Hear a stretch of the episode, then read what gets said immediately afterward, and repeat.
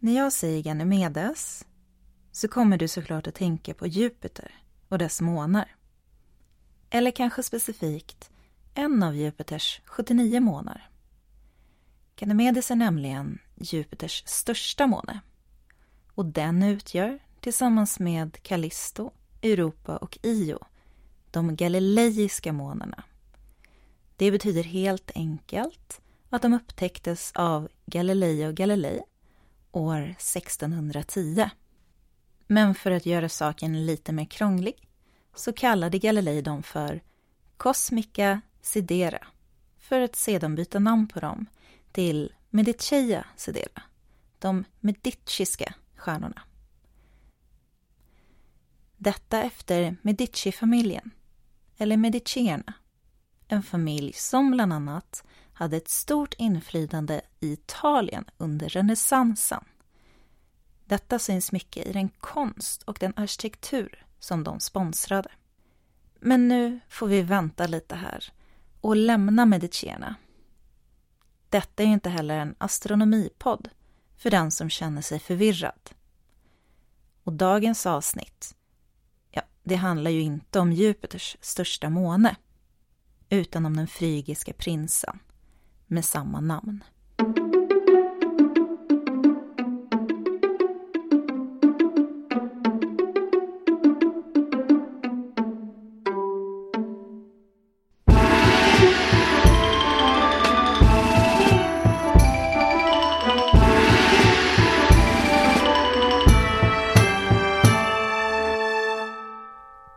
Hej och välkommen till Podius Castus, en podd om antiken.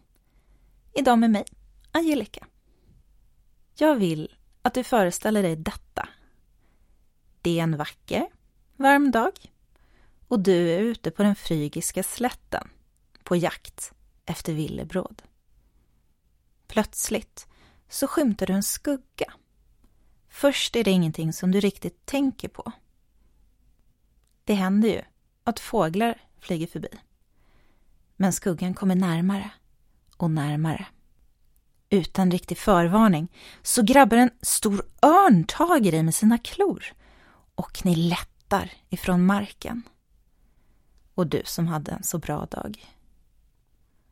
Låt mig berätta lite närmare. Ganymedes, han är son till kung Tross av Frygien. Tross hade tre söner. Vad de heter, det skiljer sig åt i källorna. En kan ha hetat Ilius och Ilius ska ha grundat Troja.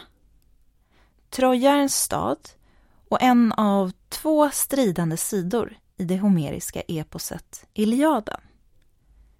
Och för den som har lyssnat på vårt avsnitt om den tyske amatörarkeologen Heinrich Schliemann så kommer du kanske ihåg att Schliemann hade som mål att bevisa att Troja faktiskt fanns. Vi tar oss tillbaka till Ganymedes. Han beskrivs vara den vackraste ynglingen i världen. Han är ung, han är vacker och han hade gyllene hår.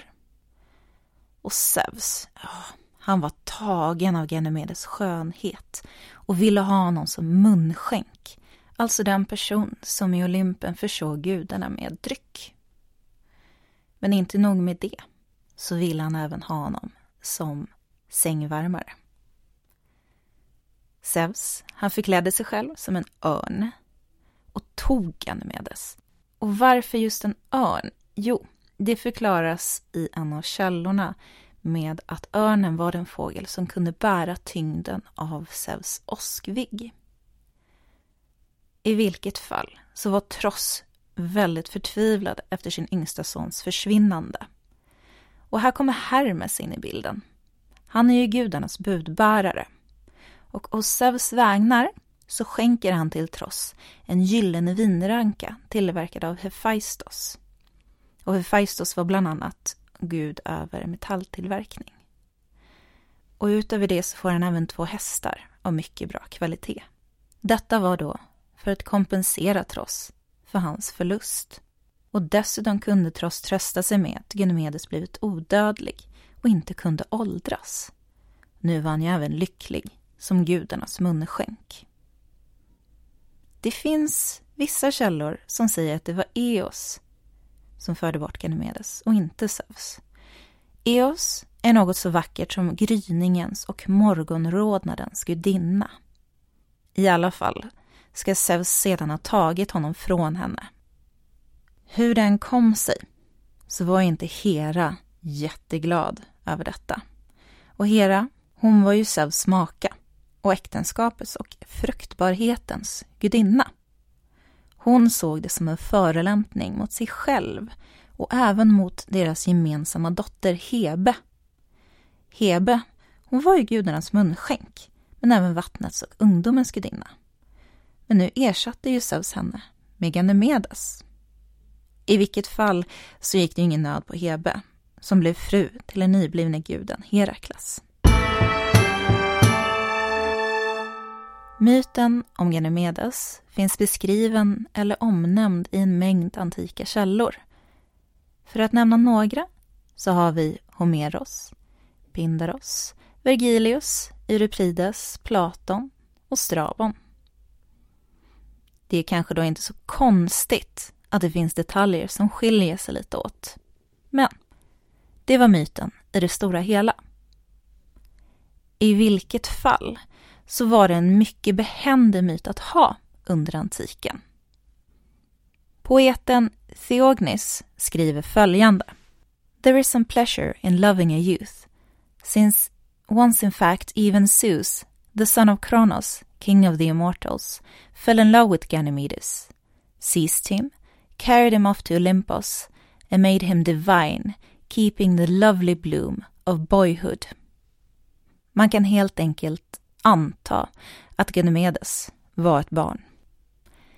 Det för oss vidare till den lite mer oangenäma delen av den antika världen, nämligen en viss förekommande förkärlek för pederasti. För det var ju så att myten blev populär i Grekland och Rom då den gav berättigande till en vuxen mans sexuella intresse för pojkar i yngre ålder. I det antika Grekland växte pederasti fram ur symposiekulturen. Den vuxna parten kallades för erastes, eller älskare, och eromenos, älskade, var den unge, passiva parten. I Rom var det i perioder inte helt okej att ha en fri manlig mindreårig som älskare. Det var dock acceptabelt för den passiva parten att vara slav, före detta slav eller prostituerad. Men det var generellt inte okej att fortsätta med en sådan relation när den unge passiva parten hade kommit in i vuxen ålder. På latin så kallas Ganymedes för katamytus och på engelska refererar catamite till den passiva unga parten i en manlig samkönad sexakt. Ja, inte helt bekvämt kanske, men behändigt att ha något som kan försvara ens handlingar. Myten den har varit populär i omgångar. Det kan man se i bildvärlden. Den blev först populär under 400-talet före vår tidräkning i Aten och finns att skåda bland annat på vaser. Den finns även avbildad på romerska sarkofager och i skulptur. Vi hoppar framåt lite. För inom måleriet och den skriftliga konsten från renässansen, alltså runt 1400 och 1500-tal, till och med den senviktorianska eran, sent 1800-tal, så stod Ganymedes som en symbol för homosexuell kärlek. Under den senviktorianska eran så tog Antinos över. Och även han var en vacker yngling, men dock inte mytisk. Om vi tar tre exempel från konsten då. Correggio, han var en italiensk renässansmålare och han levde mellan 1489 och 1534. I Correggios målning så har Ganymedes ett intimt grepp om örnen. Michelangelo, även han en italiensk renässansmålare. Han levde mellan 1475 och 1564.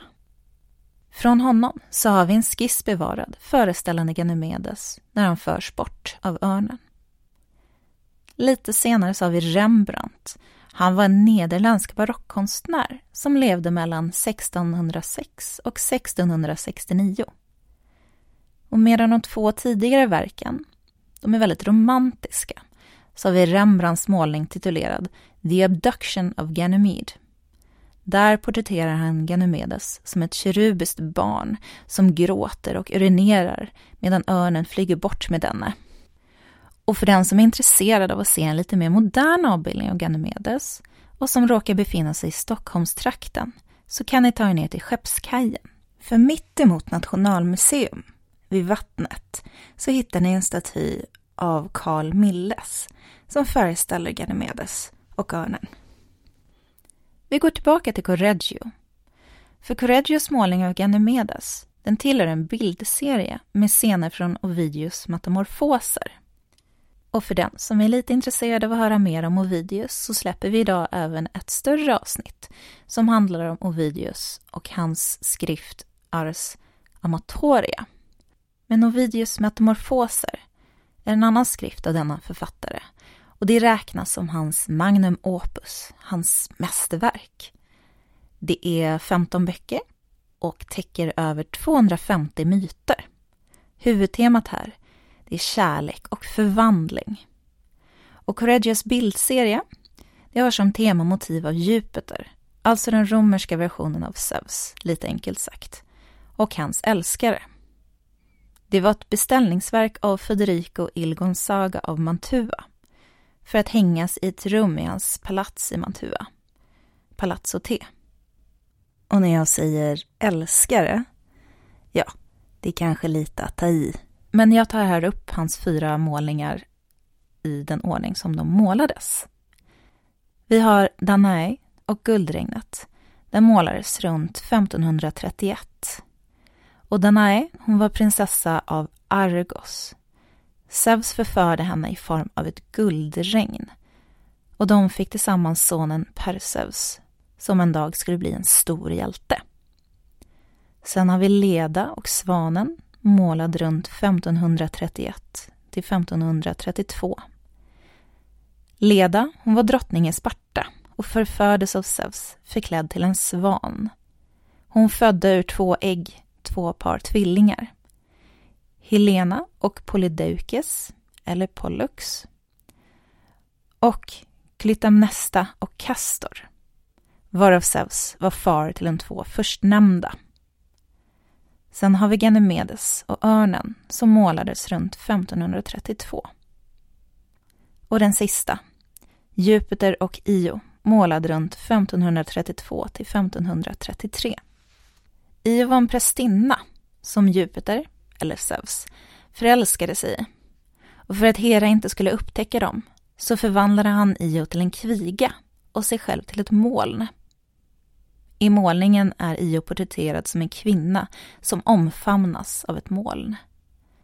Tillsammans fick de sonen Epafos som skulle grunda staden Memphis. Det finns även andra exempel i myter där Zeus förklär sig för att få till det. Vi har Europa och tjuren, där han förvandlar sig till en tjur och för bort Europa. Och Callisto och Artemis, den förvandlar sig till gudinnan Artemis. För att summera, även om man aldrig förvandlade sig till ett, så hade Zeus svårt att inte vara ett svin. Ganymedes, tillsammans med Callisto, Europa och Io, är bara några av Zeus eller Jupiters, erövringar. Och bara några av de månar som cirkulerar planeten Jupiter. Men vi har ju redan kommit fram till att det inte var en astronomipodd det handlade om. Så nu behöver du inte enbart tänka på Jupiters största måne vid nämnandet av Ganymedes. Nu kan du även tänka på en obekväm myt om kidnappning och pederasti. Varsågod! Vill ni kontakta oss finns vi på podiuscastus.gmail.com på Instagram under podiuscastus och på Facebook. Tack för mig och på återhörande.